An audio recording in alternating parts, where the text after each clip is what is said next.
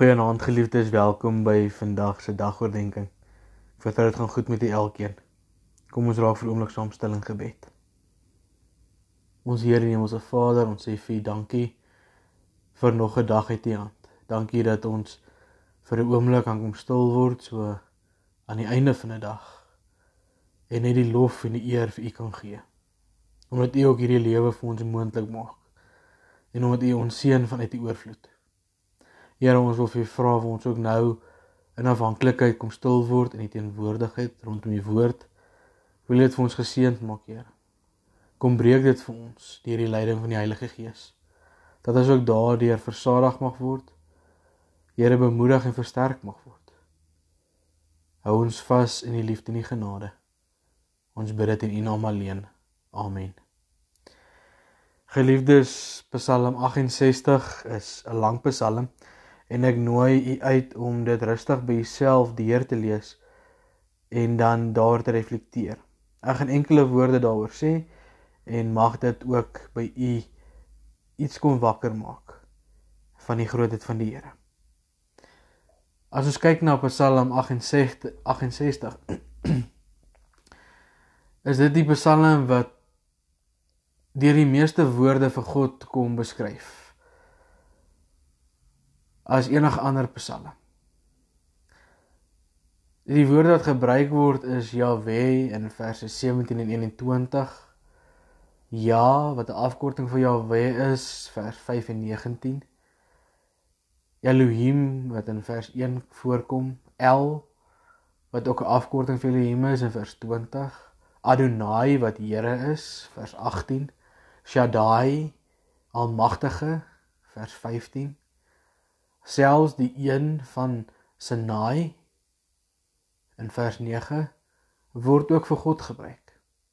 Hy word ook genoem hy wat op die wolke ry in vers 5. 'n Vader van weeskinders in vers 6. 'n Beskermer van weduwees ook in vers 6. God ons hulp in vers 20. God wat ons red vers 21. Hy wat ry deur die hemele in vers 34. En dan ook God van Israel in vers 36. 'n Klomp name wat vir God kom beskryf en eintlik sy karakter en die manier hoe hy optree in ons lewe kom saamvat. Daarom 'n baie besonderse psalm. Die psalm kom maak dan die punt dat God se naam, God se inhoud so omvangryk en betekenis is vir alles. Selfs al sal ons vir alles name kies, kan dit nie oorbeklemtoon word nie.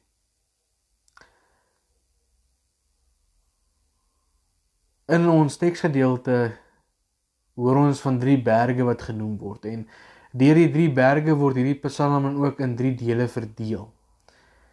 En dan word dit ook genoem die Sinaiberg in vers 9, Basanberg in vers 16 en Sion in vers 17. Sion word wel nie by die naam genoem nie, maar dit is uit verse 18, 25, 30 en 36 duidelik dat die Tempelberg in Jerusalem Sion bedoel word. Daar is natuurlik ook 'n vierde berg wat ons in ons teks kry. Salmon waar die berg ag die berg het nie 'n wesenlike betekenis nie. En is slegs vir historiese verwysing na gebeure in die rigterstyd hier in die Psalm opgeneem. As ons dan kyk na hierdie 3 verdelings van die berge, dan begin ons by die eerste een, God lei sy volk vanuit Egipte na Kanaan met die berg Sinai as die transformasiepunt. 'n Plek van verandering. En ons sien dit by verse 2 tot 11.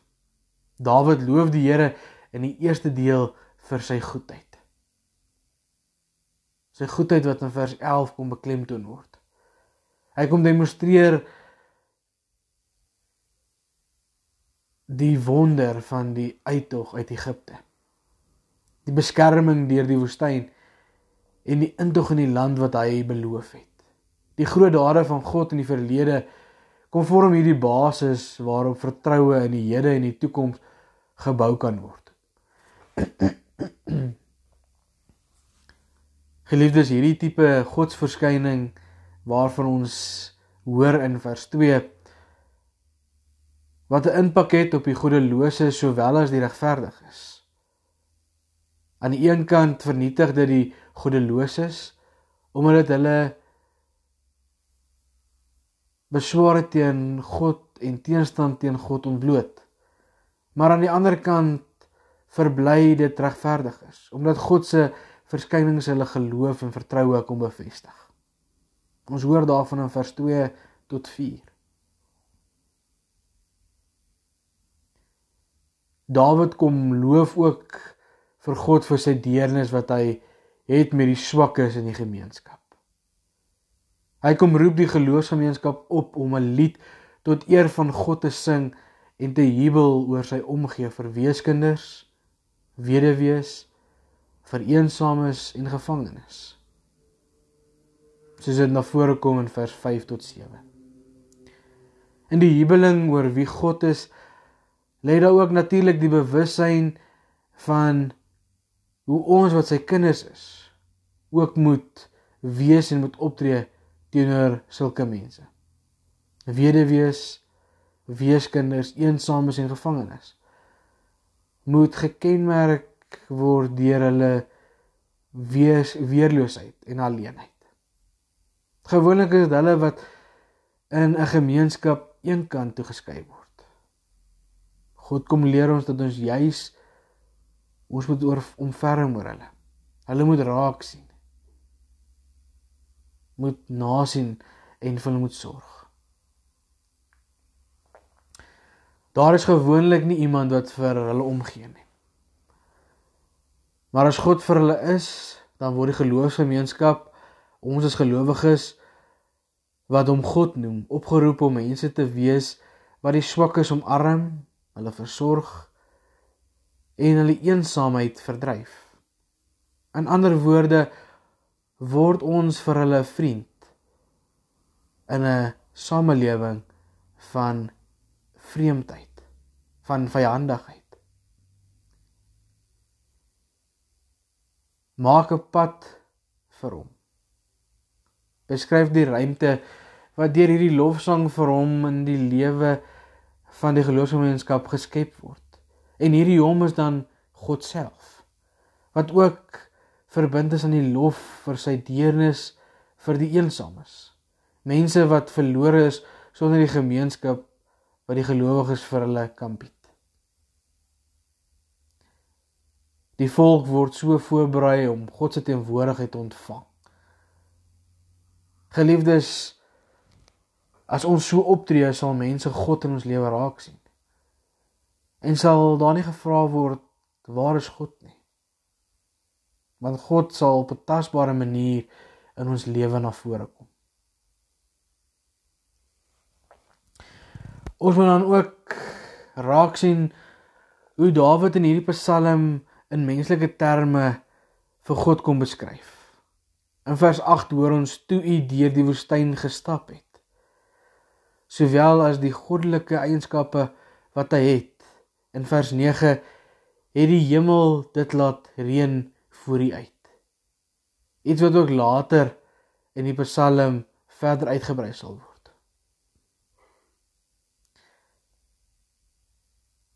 Daar word ook na hom verwys as die een wat ry deur die hemele, die hemele wat van die begin af daar is in vers 34. Hy het mag oor die wolke vers 35. Die intog in die beloofde land Kanaan word met die metafoor geteken van God wat oorvloedige reëns laat uitsak en die verdorre land weer lewe gee sodat sy eie volk daar kan gaan woon. God se goedheid het vir die hulpelose volk 'n bestaansruimte verskaf. Daar waar lewe nie meer moontlik was nie, het God lewe kom skep. Omstandighede kom omswaai sodat hulle weer kan voortbestaan. Hy het kom hulp verleen in hulle nood. As ons kyk na die tweede gedeelte in hierdie Psalm, dan is dit God verslaan sy volk se vyande in die land Kanaan met die berg Basan as 'n simbool van die vyandskap. En ons vind hierdie gedeelte in vers 12 tot 24. Die tyd van die rigters word in herinnering geroep met die verwysing na die groot leer en magtige konings wat gevlug het. En dan sien ons ons teksgedeelte waar daar verwys na toe die Almagtige die konings uitmekaar gejaag het.